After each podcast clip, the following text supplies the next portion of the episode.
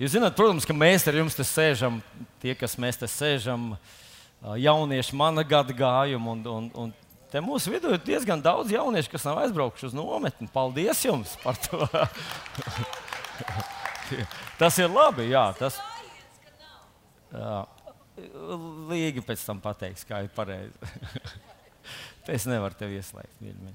Labi, bet uh, saprotiet, mēs te sēžam komfortā un, un uh, jūs jūtat vēsums. Jūs sajūtāt, ka ienācāt iekšā kāds patīkams vēsums te ir, vai ne? Nu, lūk. Bet ir cilvēki, kas sēž neapskaužamos apstākļos, saules vēlmē. Tur vienkārši uh, kukaiņi, skudras rāpo apkārt. Tie ir tie, kas tur zaļniekos šobrīd. Un, un uh, mīļie draugi, jūs tur zaļniekos, jūs patiešām tagad redzat, kā jutās Jēzus mācekļi, kad Jēzus sludināja. Vienīgi, laikam, lielākā daļa no viņiem sēdēja smiltīs un, un, un klausījās varbūt tikai pie ezera. Tad tur bija vairāk uh, zāles. Bet uh, vienā, lieta, vienā ziņā es jūs apskaužu, kad jūs paceļat acis uz debesīm. Jūs redzat, ka nekas netraucē. Mēs paceļam acis un redzam zvaigznes un mākoņus, bet nu, jūs īsti ticīgi cilvēki taču redzat zvaigznes. Ko? Nu, nu, protams, daži pat teltī redz zvaigznes. Bet, bet uh, ir ļoti patīkami būt uh, ar jums kopā šeit. Nu, nu, vispirms tie, kas uh, atceraties uh, mana gada gājumu, jaunieši atceraties, bija Nu, pāris gadus atpakaļ bija tāda sensācija, pasaules mēroga sensācija. Bija teletilts Rīga, Maskava. Ja es pareizi atceros, Rīga, Maskava. Un tad kaut ko runāja Rīgā, te, un pa televizoru no ekrāna no Maskavas atbildēja. Un mēs visi klausījāmies, wow! Tā zinātne ir vienkārši aizsteigusies. Nu, vienkārši kas vēl var trakāks būt kā teletilts.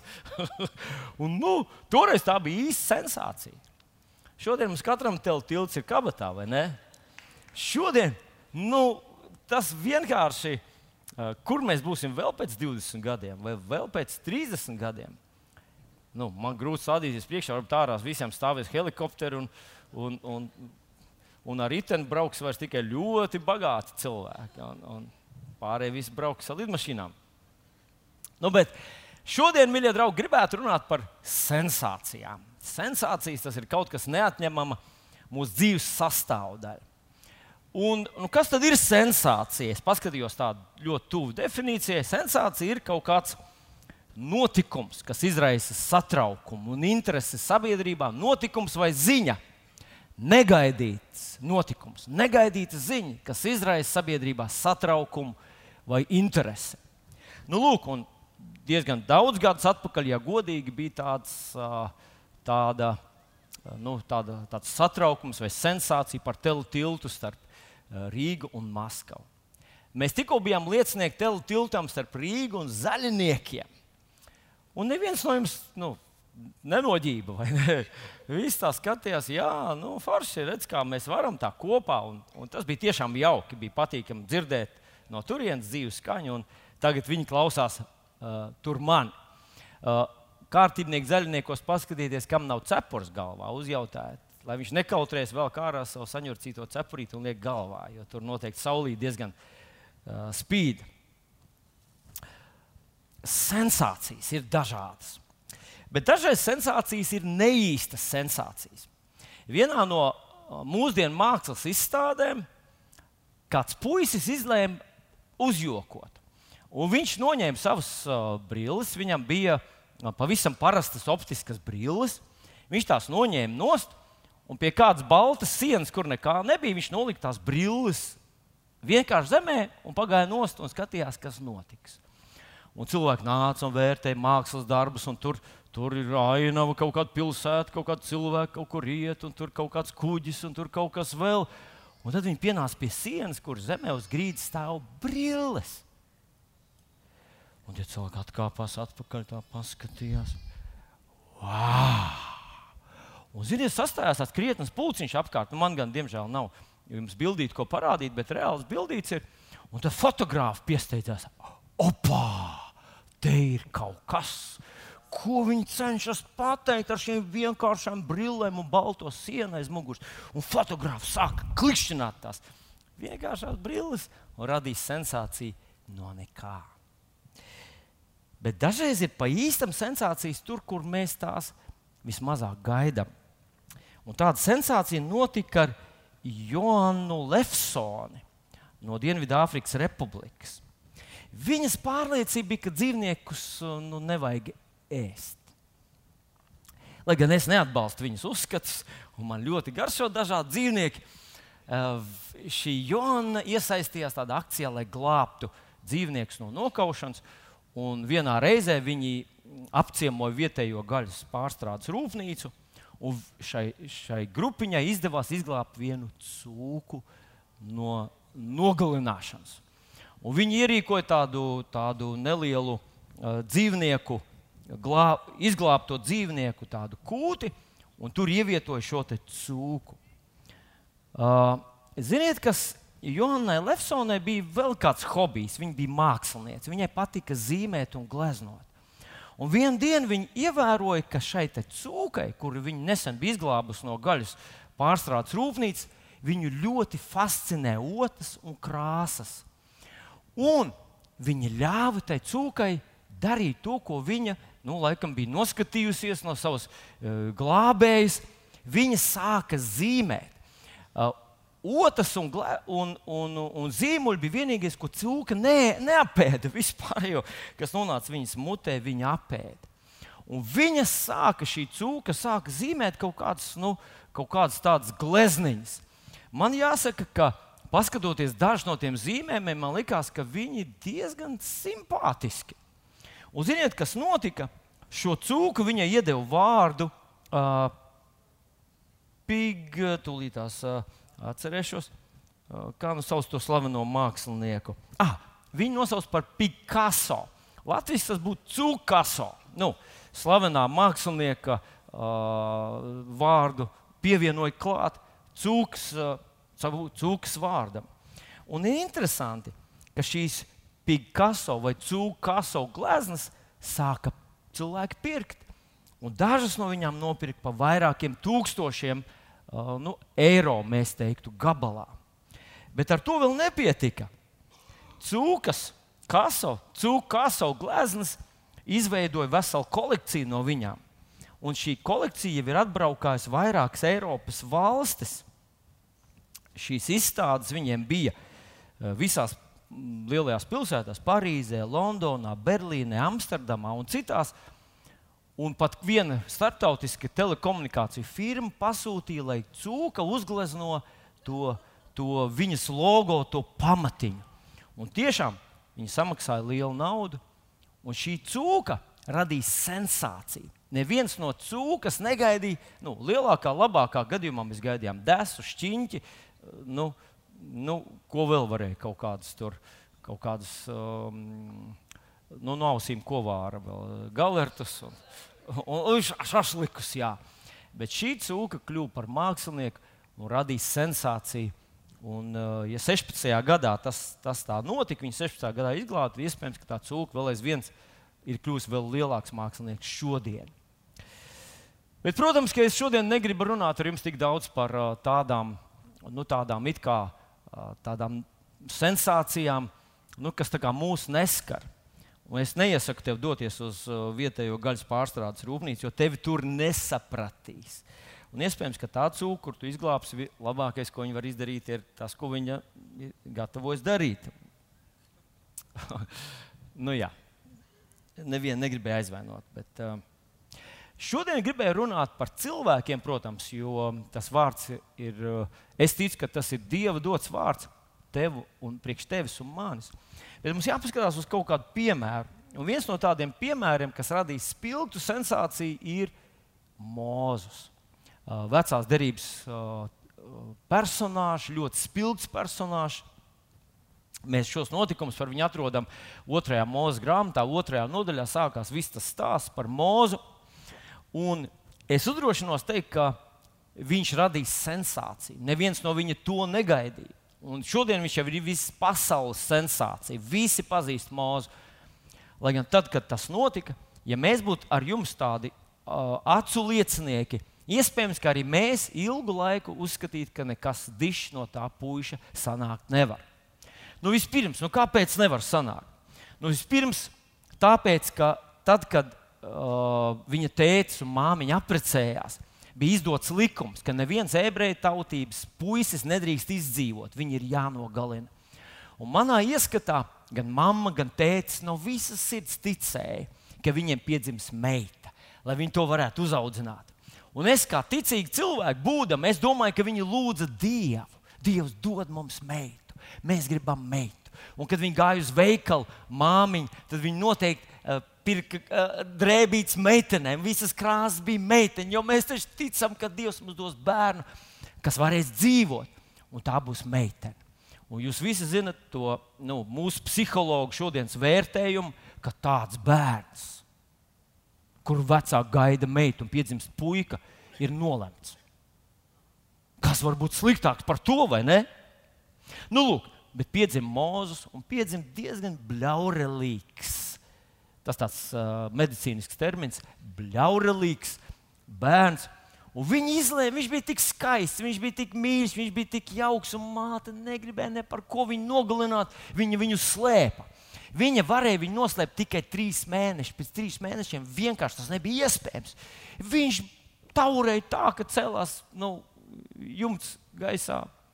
Un tad notika mūsu dzīvē, iespējams, pats sliktākais, kas varēja notikt. Mo, māte izlēma, ka ieliks viņu šķirstā un palaidīs Nīlā. Nīlā mēs visi zinām, Nīlā drīkst peldēties tikai tad, ja,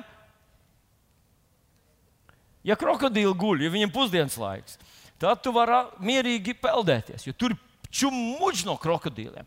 Un iedomājieties, māte ieliek savu bērnu šķirstā, notriep viņu ar asfaltu un palaiž viņu Nīlas ūdenī. Ar kaut kāds aprēķins viņai bija, bet tomēr mēs visi zinām, ka bērni ļoti jūt visu, kas notiek mātes un tēva sirdī. Un padomājiet paši par šo atraidījumu. Atraidījuma fenomens. Tu ieliec bērnu šķirstā un palaidi viņu iekšā, un tur ir krokodili. Kas var notikt? Viss. Viņš var noslīgt. Nelaimes gadījums. Kas tur viss? Tajā milzīgajā upē. Tas nebija tā kā palaist kaut kādā strasdupītē. Ja? Bija nīla. Un, protams, ka bērns sajūt šo atraidījumu. Nekas no viņa dzīve vairs sanākt nevar. Pareizi? Jūs esat psihologi. Tas sliktākais, ko tu vari izdarīt, jā, tu nepateici, jā, viņš neredzēja, nesaprata, bet viņš jūta. Bērns visu jūt. Pareizi saka. Pareizi. Nu, lūk, tad Mozus nonāk šķirstā. Viņi tur, mēs ticam, ka tā ir Dieva roka. Māte arī kaut ko plānoja, bet sanāca visu labāk nekā plānots. Faraona meita iet peldēties, viņai ieinteresē, kas tur ir. Tur viņa paņem tur, un tad viņa atdod mātei, lai viņu audzina viņu. Un es īsti nezinu, cik ilgi viņi tur rakstīs, ka viņi, viņi baro, nu, kamēr, kamēr pie krūts baro bērnu. Es vienreiz dzirdēju vienu mācītāju, kurš teica, ka ebreju māte tajos laikos baroja līdz septiņu gadu vecumam. nu, es apšaubu to. Es apšaubu. Es, es tiešām apšaubu. Zinot, zinot, kā mammas parasti grib tikt vaļā no tās barošanas jau. Nē, nē septiņu gadu vecumā viņam visi, visi īstie zobi ir. nu, nu, labi, bet pieņemsim, pieņemsim, ka tie ir septiņi gadi. Septiņi, bet visus šos septiņus gadus māte audzina bērnu ar domu, ka viņai viņu nāksies atdot. Un es domāju, viņa viņu gatavo, viņa viņā liek iekšā visu to dēliņu, uh, kas viņš ir. Nu, cik ļoti viņu mīl, cik ļoti viņš ir svarīgs. Ar domu visu laiku te vados, atdos, atdos. Vienu dienu mēs te vadosim. Nu, bērns uzauga ar šo psiholoģisko traumu. Vai kaut kas labs no tāda bērna var sanākt, kā jūs domājat? Nevar. Eksperta viedoklis. Nekas no tā nevar sanākt. Nu, lūk, beig, beigās viņa atdod viņu faraona meitai, faraona meita viņa aiz, aiznes uz tur. Un tad par viņu mēs neko nelasām līdz kādam vecumam. 40 gadi. Apsolu darbos 7. nodaļā Stefans stāsta šo notikumu. Viņš detaļās izstāsta un apkārt sēž rakstu mācītāji un farizēji, un viņi neprotestē. Viņš saka, viņš atnāca atpakaļ pie savas tautas, aplūkot savu tautu 40 gadu vecumā. 40 gadu vecumā viņš atnāca pie savas tautas. Un jūs iedomājaties, kas Mozum bija par temperamentu. Viņš redzēja vienu eģiptieti, kurš darīja pāri e, uh, ebrejam. Tā vietā, lai viņu apsaukātu un patriektu un pateiktu viņam, lasies no šejienes māti tavu un, un tā tālāk. Nu, kā normāls, augsts dzimis, uh, nu, realizēt savu varu. Viņš viņu nosit. Pum, čing, pum, ting, pum, nosit un ierokas smiltīs. Tas ir īsts. Nu, Tas ir puisis, kurš ir saņēmis atraidījumu, bija šķirstā, kurš nu, vecāki gaidīja meitu piedzimt puiku. Nav brīnums, vai ne? 40 gadu vecumā viņš atnāk. Un kas ir interesanti, ka tur ir teikts, tur ir teikts ka viņš cerēja, Stefans mums saka, ka izrēlieši sapratīs, ka Dievs sūta atbrīvotāju. Viņš ir tas, ar kura roku Dievs atbrīvos ebreju tautu, bet viņi viņu nepazina. Tā taisnība otrādi viņi pret viņu izvirzīja, kas tu tāds esi. Tur tu esi slepkavs, arī mani tu nositīs. Viens tur konkrēts cilvēks ar viņu runā. Nu, tā kā Mozus sastopās ar šādu nesapratni, un viņš domāja, ka nāks kā tāds atbrīvotājs, viņu uztver naidīgi. Viņš aiziet tuksnesī, mēs visi zinām, uz cik ilgu laiku? Uz vēl 40 gadiem. Viņš atnāca pirmo reizi pamēģināt savu misiju 40 gadu vecumā. Viņam nesanāca, viņš aizgāja tūkstnesī vēl uz 40 gadu. Pēc vēl 40 gadiem Dievs viņu uzrunā un sūta viņu atpakaļ. Viņam jau ir cik gadi? 80. Mēs teiktu, tavu dziesmu ir nodziedāta. Vilciens aizgājis, pareizi. Šodien mēs, šodien, ja tev Dievs uzrunā 40 gadu vecumā, tev kaut kas jādara, tu saki, ko tu esi, es jau par vecu. Pareizi! Halo! Ziniet, statistiski mēs dzīvojam ilgāk nekā mūsu senči. Nu, es nerunāju varbūt par mūzes laiku tieši. Lai gan mūzes laikā es vēl mācījos uh, teoloģijas fakultātē, kad vēsturnieks mums teica, mūzes laikā izrēliešu vidējais dzīves ilgums bija 30 gadi. Vidējais ilgums - 30 gadi. Tā kā arī mūzum tas iespējams bija viņa, viņa smadzenēs. Bet, kad Dievs viņu 40 gados viņš izgāja pie savas tautas. Viņš neteica, pēdējais mirklis, vai nu veči pieņemat mani, vai, vai paliekat verdzībā. Nē, viņš nekad mēs nedzirdējām šo argumentu no viņa. Vai vispār Bībelē kaut kur vienīgi Abrahams teica, es pa vecu. Bet mēs nekur neredzam tādu argumentu, kā, ko tu esi vairs. Jā. Man jau smiltis jau jānēsā līdz tūtiņā un, un, un, un jādomā. Skatieties, mīļie draugi! Mozus radīja sensāciju. Viņš atnāca atpakaļ 80 gadu vecumā, un viņš kļuva par mesiju, par svaidīto tā laika izpratnē. Viņš bija mesija, viņš bija Dieva sūtītais glābējs. Viņš tiešām izveda savu tautu, izveda to ārā no Eģiptes zemes un aizveda viņu līdz apsolītās zemes robežām.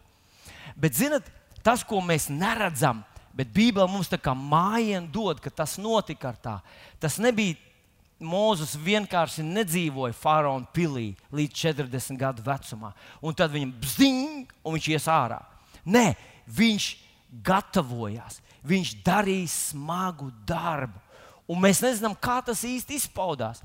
Bet es ticu, saskaņā ar, ar, ar Eviziešiem 3.20, kur rakstīts, ka Dievs var darīt neizmērojami vairāk, kā tu nojauti vai lūdz tavā dzīvēm. Tieši tas pats darbojas arī mūzes laikā. Un, jā, mēs varam teikt, nu, jā, tas nebija žēlastības laiks, tas bija tas, bija tas likuma laiks. Un tomēr paskatieties, kad mēs lasām ebreju vēstulītes 11. nodaļu, kur ir ticības varoņa zāle. Lielākā daļa tie vārdi ir no vecās derības. Un tad viņš saka, viņš ticībā to izdarīja, ticībā to izdarīja, ticībā to izdarīja. Jēkabs saka, ka nebūs dams aizmāršīs klausītājs, bet darba darītājs. Es jums šodien apgalvoju, ka Mozus darīja ļoti smagu darbu. Visus tos 40 gadus, pirmos 40 gadus, visus tos vārdus, ko māte bija ielikusi viņa eh, sirdī, ko bija ielikusi viņa dvēselē. Viņš tā kā Marija paturēja to savā sirdī, nesāja viņus. Viņš sauca uz Dievu, viņš gaidīja savu laiku. Un neizdevās viņam tie pirmie 40.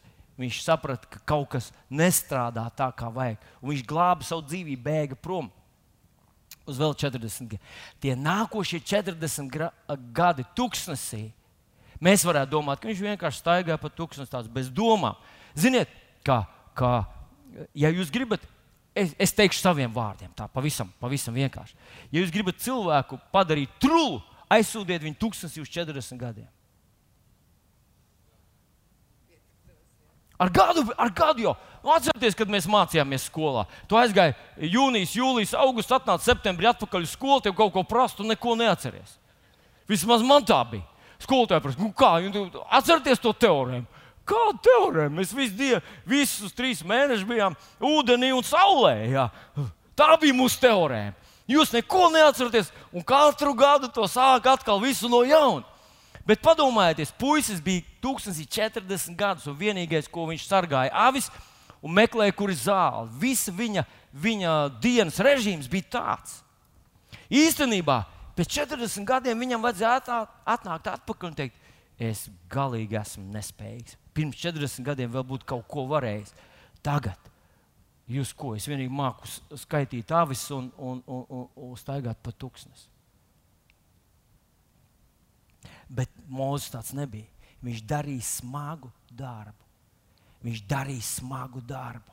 Viņš savā dvēselē uh, nesāja visus šos redzējumus, kurus Dievs viņam bija devis. Iespējams, ka caur mammu, iespējams, Dievs bija viņu uzrunājis. Mēs to, tas nav uzrakstīts. Bet mēs lasām par mūzu, kad viņš bija tūkstnesī. Mēs lasām, ka viņš pārgāja pāri tūkstnesim. Iedomājieties, no 4000 gadu atpakaļ uzrakstīja šo vienu teikumu, ka Mozus pārgāja pāri tūkstnesim līdz dieva kalnam Her, uh, Horebam. Un esmu pārliecināts, ka viņš visu laiku meklē Dievu.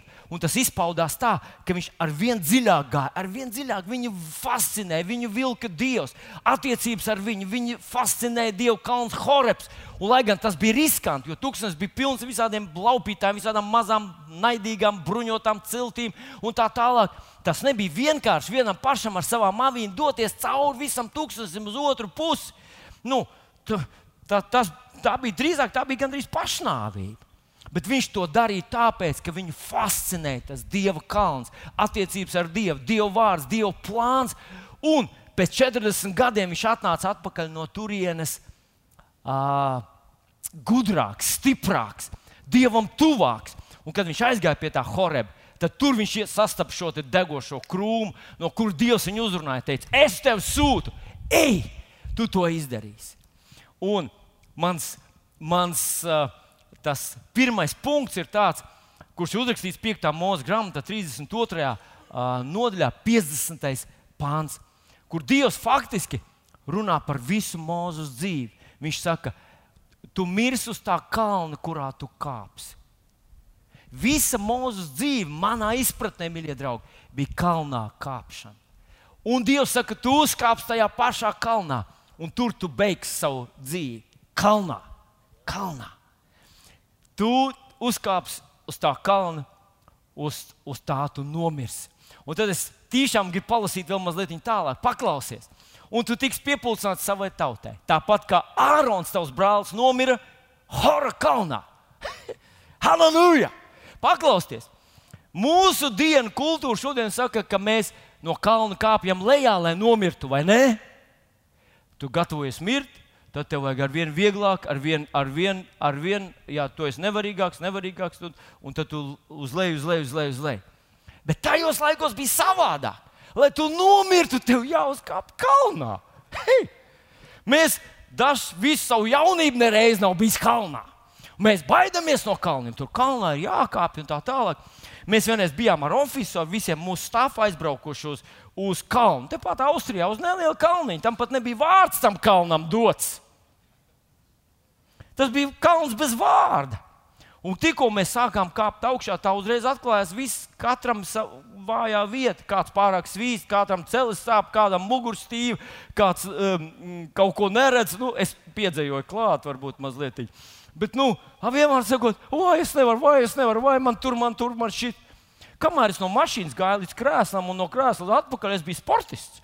Visiem rādīja, kāds ir biceps. Tev bija druskuļi jāpakāp kalnā un saproti, ka tev, nu, ka tu neesi, neko tu nevari. Bet, lai nomirtu, jāuzkāp kalnā, tu nedrīkst nomirt lejā. Halleluja! Iebiks tam, kurš sēž tev blakus. Saka, mūzum gan bija grūti nomirt, jāuzkāp bija kalnā. Viņš viņš visu savu dzīvi kāpa ar vien augstāk kalnā, ar vien lielāku izaicinājumu, ar vien lielākas grūtības, ar vien lielākas problēmas. Un viņš tās visas atrisināja Dieva spēkā. Un tas pats ir uzrakstīts arī par mani un tevi. Kā mēs zinām, mēs esam svētīti ar visām vecās derības svētībām, visām Abrahama svētībām. Tās mums ir dāvināts. 5. mūža grāmatā, 28. nodaļā, 13. pantā ir uzrakstīta tāda vārda par tevi un mani. Un kas tur rakstīts? Tur rakstīts, ka tev nekad nekas nebūs jādara. Tu vienkārši gaidi, vienkārši mm, sēdi uz dīvāna, ieslēdz teļu klapu skaļi un gaidi, tas kungs visu izdarīs. Kāpēc jūs nesmējaties? Ko? Vai tas nav tas, ko mēs sagaidām? Nē, tur ir rakstīts, ka tu kāpsi ar vienu kalnā. Tu ar vienu viņš tev darīs par galvu, tu iesi augšup. Pamēģiniet, lai uzkāptu tur augšā uz tribīnēm, tas ir grūti. Nevelti lielākā daļa sēž šeit lejā. Jo, lai uzkāptu tur vai dienu, tur augšā vismaz par 3 grādiem temperatūra augstāka nekā šeit lejā. Jā, kā jūs tie ir izturīgi? Tie ir ticības vīri un sievas, kas sēž tribīnēs.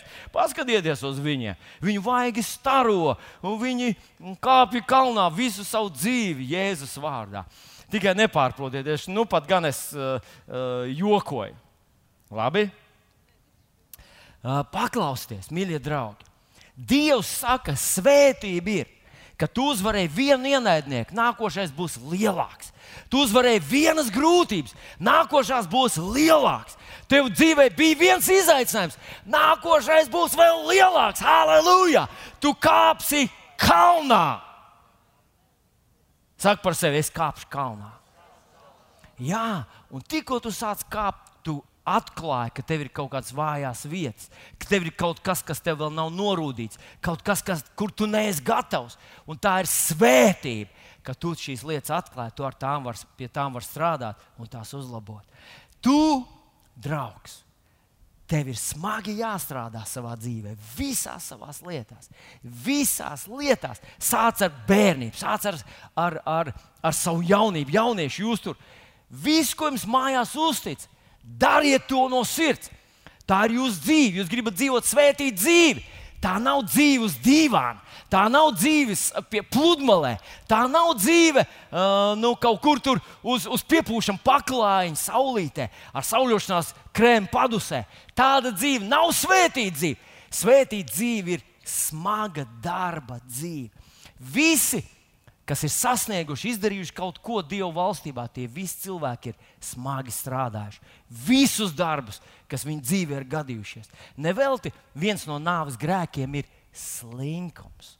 Redziet, tas ir briesmīgi, ja cilvēkam nav, bet briesmīgi ir, ja viņam ir, bet viņš tos savus resursus nelieto, tāpēc, ka ir slings. Mēs ar tevi tādu nedrīkstam būt ne fiziskajā dzīvē, ne garīgajā. Mums ir jābūt tiešām cilvēkiem, kas kāpj kalnā, kas smagi strādā, lai mēs piepildītu to, ko Dievs grib, lai mēs piepildām. Bet uz mirkli es padomāju, gribētu ar jums padomāt par iespēju kāpt lejup. Jūs zināt, ko nozīmē kāpt lejup? Kāpt lejup ir tā kā tā atslābināties. Un, lai gan mēs zinām, ka ir tādi muskuļi, kas, kurus vispār nekur ne, nesanāk lietot, un bieži vien cilvēki sajūt tieši sāpes no ilgstošas kāpšanas uz leju, tā var būt. Un tomēr un tomēr uz leju kāpt ir vieglāk. Mēs to esam konstatējuši gan pa trepēm, kad ejam lejā, vai no kalniem lejā, vai dzīvējam uz leju, vai savā ticībā uz leju. Un zinat, ko uz leju tas vienmēr ir, ir piepildās. Viss, ko tu tici, nu, tādā negatīvā ticībā, viņi piepildās un piepildās ātri. Nu, paskatieties, bija liela daļa Izraēla tautas, kas teica, ka Dievs mūs izved no Eģiptes zemes, lai nogalinātu tuksnesī. Un točiem tā notika. 40 gadus tieši tā, kā viņi ticēja. Tā 40 gadu tie cilvēki, kas teica, nu, mēs nekad neiekarosim to zemi, neieiesim tur. Mēs nevaram, Dievs nevar mūs ievest tur, tie pretinieki ir pa lielu. Un 40 gadus viņi visu laiku konstatēja, ka mums bija taisnība, mums bija taisnība, mums bija taisnība. Un no visas tās lielās tautas tikai divi cilvēki, Jozo un Kalps, ticēja, ka Dievs mūs varēs ievest. Un 40 gadus izskatījās, ka tam lielam, lielumam ir taisnība un viņiem galīgi nav taisnība. Tā kā ticēt, tas kā ir ilgs maratons.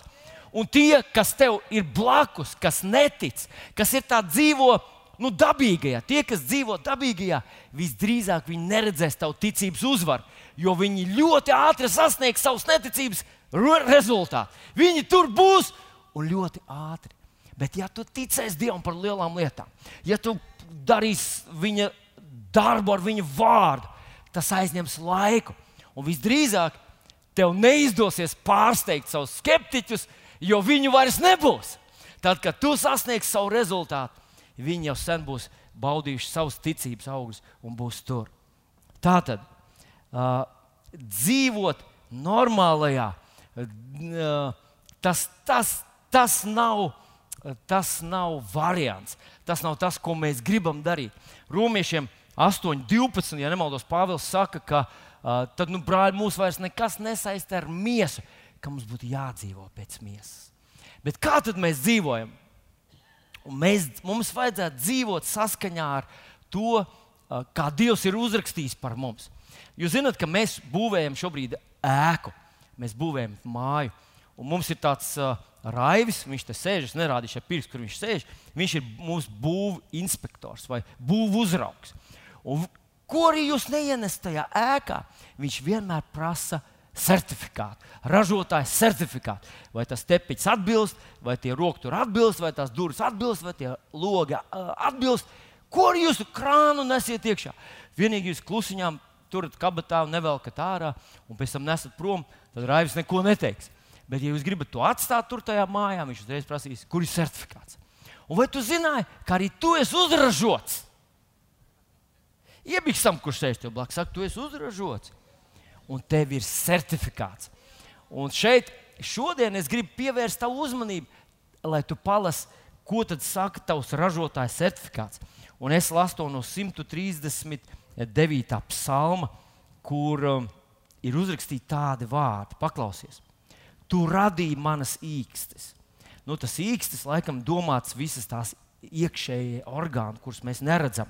Tu to radīji, tu mani veidoji. Tu piešķīri man ķermeni, manas mātes miesās. Halleluja! Tevi radīja Dievs. Dievs, Viņš saka to Dievam. Es tev pateicos, ka esmu brīnišķīgi radīts. Halleluja! Mīļais draugs, Tu un es, mēs esam radīti brīnišķīgi. Uh, brīnišķīgi ir tavi darbi, man dvēseli to labi zina. Tālāk viņš saka, ka tu mani veidoji. Viņš saka, tālāk, tavā grāmatā bija rakstīts visas manas dienas, kad to vēl nebija it nevienas. Dievs ir uzrakstījis tavas dienas grāmatā, un viņš būtu gribējis, vest, viņam ir scenārijs tavai dzīvei Viņam ir plāns tavai dzīvei.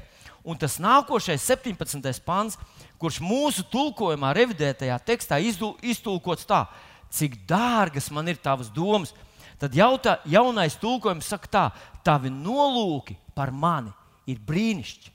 Tieši tāpēc es šodien runāju šo domu, gribu aiznest līdz tevīm, ka tu varbūt neizskaties no ārpuses diži.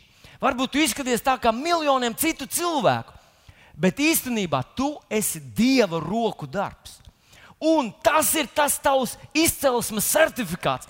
Tas ir tas, ko Raivis izlasītu un teikt, šitais der. Kāpēc der? Paskatieties, no pašām Bībeles sākuma mēs lasām, ka Dievs kaut ko radīja. Viņš tur salika zvaigznes, mēnesi un tā tālāk. Tad tur rakstīts, viņš paskatījās savu radījumu un atzina, ka tas ir labs. Un visu, ko Dievs radīja, visu, ko Dievs radīja, viņš pēc tam pārbauda to, apskatās un saka, viņš redzēja to labu esam. Draugi, Dievs, kad jūs izveidojat par jaunu radījumu Kristu Jēzu, kad Viņš jūsos salika savus potenciālus iekšā, kad Viņš ielika jūsos uh, dāvāns, gara dāvāns, kad Svētais Gars jums deva garīgs dāvāns, kad Viņš ielika jūsos jūsu likteni, Viņš pārbaudīja un teica, labi, man ir labi sanācis šis cilvēks. Un tāpēc, mīļais draugs, mums ar tevi būtu jābūt cilvēkiem, kas saskata sevī šo potenciālu sensācijai. Es šodien gribētu apgalvot, ka tavs otrais vārds ir sensācija. Bet Dievs to nevar izdarīt viens pats. Kāpēc? Tāpēc, ka viss Dieva darbs, Dieva brīnuma darbs cilvēku dzīvē ir 50 pret 50. 50 izdara Dievs, 50%. Un 50% ir tas, ko dari tu. Atcerieties, tur teikts, ka mēs esam glābti uh, žēlastībā, caur ticību. Žēlastībā viņš visu ir izdarījis. Bet ticība ir tas kanāls, caur kuru mēs to realizējam, caur kuru mēs to ienesam savā dzīvē. Un Mozus šo kanālu lietoja. Viņam tas paprasīja laiku, viņš nenogura, nepiekusa. Noā tas paprasīja laiku, viņš nenogura, nepiekusa. Abrahamam tas paprasīja laiku, viņš nenogura, nepiekusa, nevīlās. Viņš darīja smagu darbu, un viņa rezultāts atnāca. Jozo un Kalebam tieši tāpat. Un tieši tāpat tas ir ar tevi, mīļais draugs. Paklausies vēlreiz. Es šobrīd lasu par tevi šos vārdus. Tu mani izveidoji. Tu veidoji mani, veidoji, piešķīri man ķermeni, manas mātes miesā. Es pateicos tev, ka esmu brīnišķīgi radīts. Tu esi radīts brīnišķīgi. Jā, bet es sevi pazīstu. Nē, nē, nē, tu sevi nepazīsti. Paklausies, ko Dievs saka. Tu esi radīts brīnišķīgs. Neļauj, lai tevi ieliek tajos vispār kopējos rāmjos. Tas tā kā tas sivēns, kurš pēc visiem parametriem viņam bija jāpārkļūst par desu. Varbūt kāds no tevis visu, ko grib uztaisīt, ir vienkārši desu. Vienkārši, vienkārši kaut ko standartizētu, vienkārši kaut ko pieejamu, vienkārši kaut ko lētu nopērkamu. Bet Dievs tā nevēlas. Viņš tev veido ar kādu īpašu mērķi šajā pasaulē, mīļais draugs. Tu esi kādam īpašam mērķim. Tu esi, lai radītu sensāciju. Sensācija ir tavs otrs vārds. Es gribētu, lai tu paskaties uz sevi kā uz cilvēku, kuram nevienkārši ir jāatrod brīvais krēsls kaut kādā, kaut kādā uh, vienalga kādā maršruta autobusā, bet tev jāatrod sava vieta. Tev jāatrod tas, kas tieši tev ir radīts, kam tieši tu esi paredzēts. Un tas nav tā pēc tā, pēc tā un, un kā tas pēc testa. Nu, kādas tavas stiprās puses? Jūs, jūs piekritīsiet man. Ja pēc stiprām pusēm, tad kas ir tavs stiprā puse? O, es man ļoti labi dzirdu. Būs klausītājs. Ko, uh, Kas ir tavs stiprā puse? Es nedzirdu nemaz. Būs mūziķis. Tev nav jāklausās. Tu vienkārši spēlē. Klausās tie, kam ir auss. Nu, un, un, un tā tālāk. Ir simtiem visādu tādu piemēru. Atcerieties, Salamans sacīja, ka ne ātrākais sacensībās uzvarēja, un ne drošsirdīgākais uzvarēja karā. Bet Dievs ir tas, Dievs ir tas kurš piešķir tev tavu aicinājumu, tavu ceļu dzīvē, tavu, tavu, uh, tavu misiju šajā pasaulē. Un mēs jau runājam par mūzu. Pēc visas statistikas viņam vajadzēja iznākt nekam. Viņam vajadzēja kļūt par piekto riteni tur tajā eģiptiešu faraona galmā. Bet viņš kļuva par ļoti spilgtu līderi, kur visi pasaule zina. Tieši tāds pats esi tu. Tas ietver sevi darbu, smagu darbu. Tas nav tā vienkārši gaidīt, lai Dievs to izdara. Nē, Dievs izdarīs pusi, un faktiski Viņš to pusi jau ir sagatavojis. Mēs ar tevi smagi strādājam, lai to Dieva sagatavoto izcilību materializētu šajā pasaulē. Mēs to darām ticībā.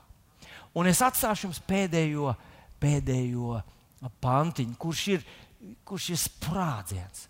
Paklausies, kas tur rakstīts. Meklē savu prieku savā kungā, tad viņš tev dos pēc kā tavas sirds ilgojas. Ja mēs palasītu Jeremiju, Jeremija teikt, ka neviens nevar izzināt cilvēku sirdi. Tā ir viltīga, tā ir tāda, ka tu neviens nevar izzināt cilvēks. Un tad Dievs saka, es esmu tas, kurš zina, kas ir cilvēks sirdī. Vai tu domā, ka tu sevi pazīsti? Nē. Vai tu, zini, vai tu domā, priekš kam tu esi šajā pasaulē? Nē. Jūs zināt, es par sevi, kad kādreiz cilvēku, nu, ko tu gribi dzīvē, es tā padomāju. Nu, tādu atbildi neviens nedod. Neko. Bet tas ir tieši tas, ko es gribēju. Neko. Nu, nomierinies, ieklausies sevi. Es ieklausos sevi. Ko tu gribi? Bulciņu. Nu, labi, apēd bulciņu, ko tu gribi tagad? vēl vienu būciņu. Un ko tu gribi tagad? Pagulēt. Un pēc tam, kad televizoru. Nu, bet ieklausās, kaut kas tev ir, kaut kas tāds, priekš kam tu esi radīts. Gribu būt bagāts, skaists, jauns, populārs. Tas ir viss, ko es gribu. Dievs, es gribu. Tā tas nedarbojas. Dievs ir tas, kurš ir ielicis to tavā sirdī. Un paklausies, tas ir Mozus noslēpums. Viņš pavadīja šo laiku ar Dievu. Viņš uzzināja, priekš kam viņš ir radījis. Un, lai gan viņam likās, ka viņa prasmes, viņa stiprās puses galīgi nesaistās ar to. Atcerieties, viņam teica, tev jāuzrunā tauts, viņš vienkārši parunāt nevar. Varbūt viņš bija. Nu, Zaika, kā to sauc, varbūt viņš raustīja valodu. Mēs nezinām, kāds saka, ka mūzika esot raustījis valodu. Varbūt tā bija, varbūt nebija, es nezinu. Bet mūzika man nav to prasmu, kas ir vajadzīgs lielas tautas līderim. Viņi nebalsos par maniem, nesakos man. Un vienalga Dievs viņu izvēlējās. Mīļais draugs, neskaties uz sevi pēc tā, tu ātri skrien, tad tu būsi skrējējis. Varbūt tieši tev ķērējam jābūt, ir, nevis skrējējam. Varbūt tieši otrādi tev ir kaut kas, kas tev ir tik unikāls, un otra tāda, kā tu visā pasaulē nav. Bet Dievs dos tev zināt, kas tas ir Un, ja tu ar viņu sadarbosies, viņš palīdzēs to atnest. Un laiks nav faktors. Dievs ir faktors un darbs ir faktors. Divas lietas. Uh, man liekas, Lūcija Garūtē bija tā kantāta, kuras nodziedāšu tūlīt. Dievs, daba, darbs. Nu, daba arī svarīga, protams, jā. Bet Dievs, ah, pagaidi, pagaidi. Dievs tev zemde. Jā, piedodiet, es sajaucu ar citu kantātu. Tā bija kādam citam. Bet, mīļie draugi, šodien es gribētu, lai tu paņem savā sirdī, ka ienaidnieks vēlams grib, lai tu palaidies, lai tu vienkārši grimst uz leju. Saka, nu, bija tāds, ir tāds viens uh, žanrs, uh, kur daži cilvēki tā dzīvo. Dziedu to, ko redzu. Es eju pa ielu un, un, un, un, un redzu to, ko dziedā. Un ir cilvēki, kas klausās tādas dziesmas. Oh, es eju pa brīvību, ir karsti man, man padus labais, nu, var sakot, reāli tā dzīve. Un ir cilvēki, kas tic tā, tas, ko redzu, tas, ko es varu sasniegt, tas, kas man padodas, uz to es tikai varu cerēt. Bet ir otra kategorija, un ir tas ticības žanrs, ka tu redz to, ko neviens neredz. Dievs ir ielicis to tavā sirdī, un tu dzīvo nevis no ārpuses uz iekšpusi, bet no iekšpuses uz ārpusi. Un tāpēc Dievs saka, tu esi brīnišķīgi radīts. Nenoniecini sevi, nepadari sev pelēku, neieliec sevi konvejerā. Tu esi īpašam mērķim šajā pasaulē nolikts. Atrod to, atrod to, mīļais draugs. Un lai laiks tev nebiedē paskaties uz savu radītāju, no kā tu esi nācis un saproti, ka viņš neražo masu produkciju. Neviens sev cienošs mākslinieks neražo vienkārši, nu, kā to sauc, konvejeru lietas. Viņš ražo kaut ko ģeniālu, kaut ko īpašu, kaut ko vienreizēju. Un tu esi tieši tāds. Tu esi vienreizējs, ģeniāls. Otru cilvēku tādu kā tu nav. Dievs ir ielicis kaut ko īpašu tevī. Bet, lai to atklātu, tev vajag viņa sadraudzību. 50 pret 50, 50 tavs darbs, 50 tavas ilgas, 50 tavs fokus, tavu neatlaidību, tavu mīlestību, tavu dzīšanās, cenšanās, tavu nesamierināšanās ar pelēku ikdienas rutīnu, tavu dzīšanās pēc visizcilākā. Un tas ir, protams, Dievs, tas kungs.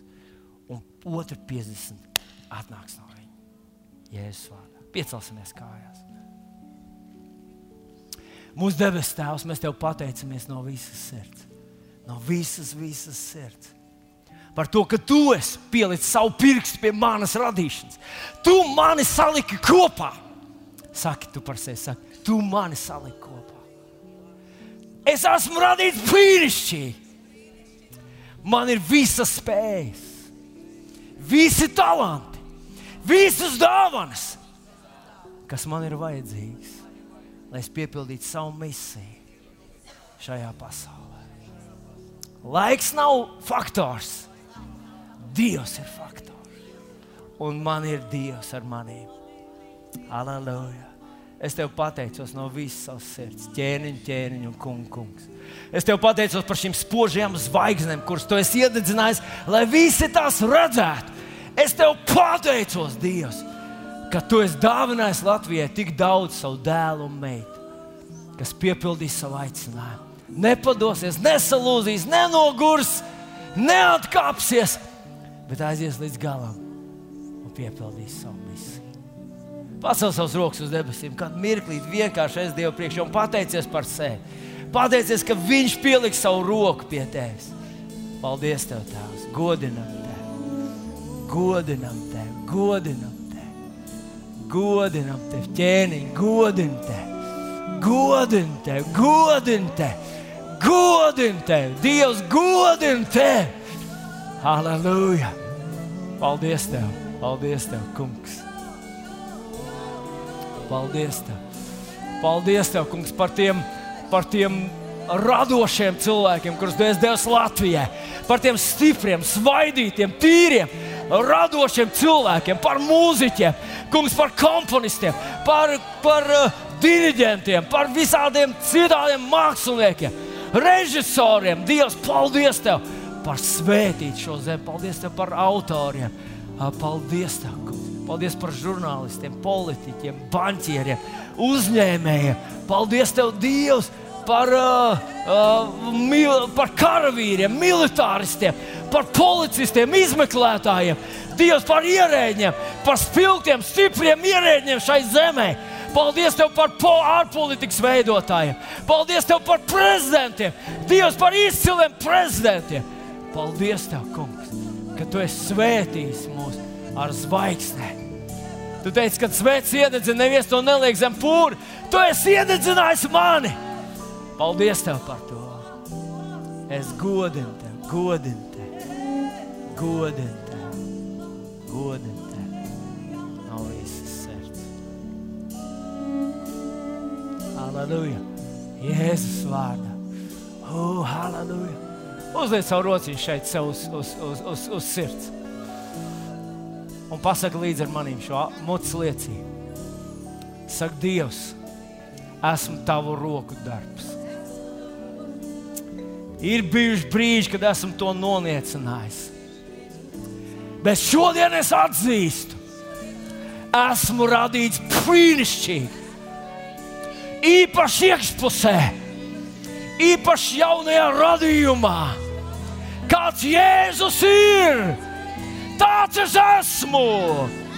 Es esmu dziļš, plašs, augsts, jo Dievs man ir radījis ar misiju šajā pasaulē. Un es esmu sensācijas, potenciāls, jo es ar tevi sadarbojos. Es tev paklausu, tev piederu, uz tevi paļaujos, tev seku. Jēzus vārdā. Aleluja! Paldies, Tev, debes! Vienu mirklī, vēl, vēl. Tav, tavs rokas ir tikpat svaidīts, tikpat svaidīts, kā, kā cits tev tās uzliek. Ziniet, ko mēs darām par mazu? Paši sevi atbalstam par mazu, konkrēti. Mēs dažreiz atbalstam savus bērnus, dažreiz atbalstam savu dzīves draugu. Paši sevi ļoti bieži mēs noniecinām, un tas nav pareizi. Kungs, es svētīju sevi. Es pieņemu svētību. Es zinu, kungs, man ir bijušas kļūdas, man ir bijuši faileri, man ir bijuši dažni dažādi periodi dzīvē, bet es pateicos, ka es piepildīšu savu aicinājumu. Uz tevi es paļaujos, un es atraisu sevi, es sevi atbrīvoju no sevis paša. Es atbrīvoju sevi no saviem ierobežojumiem, no saviem kompleksiem, no visiem tiem tiem limitiem, kurus esmu pats sev uzlicis. Jēzus vārds atsakos no visām tām pelēkajām prognozēm, kuras esmu izteicis un kā esmu sevi vērtējis. Es esmu jauns radījums! Pacel savus rokas, saka, es esmu jauns radījums! Jēzu Kristu! Kāds Jēzus ir! Tāds es esmu! Paldies, Tev, Kungs! Paldies, Tev! Paldies, Tev, Kungs! Jēzus vārds!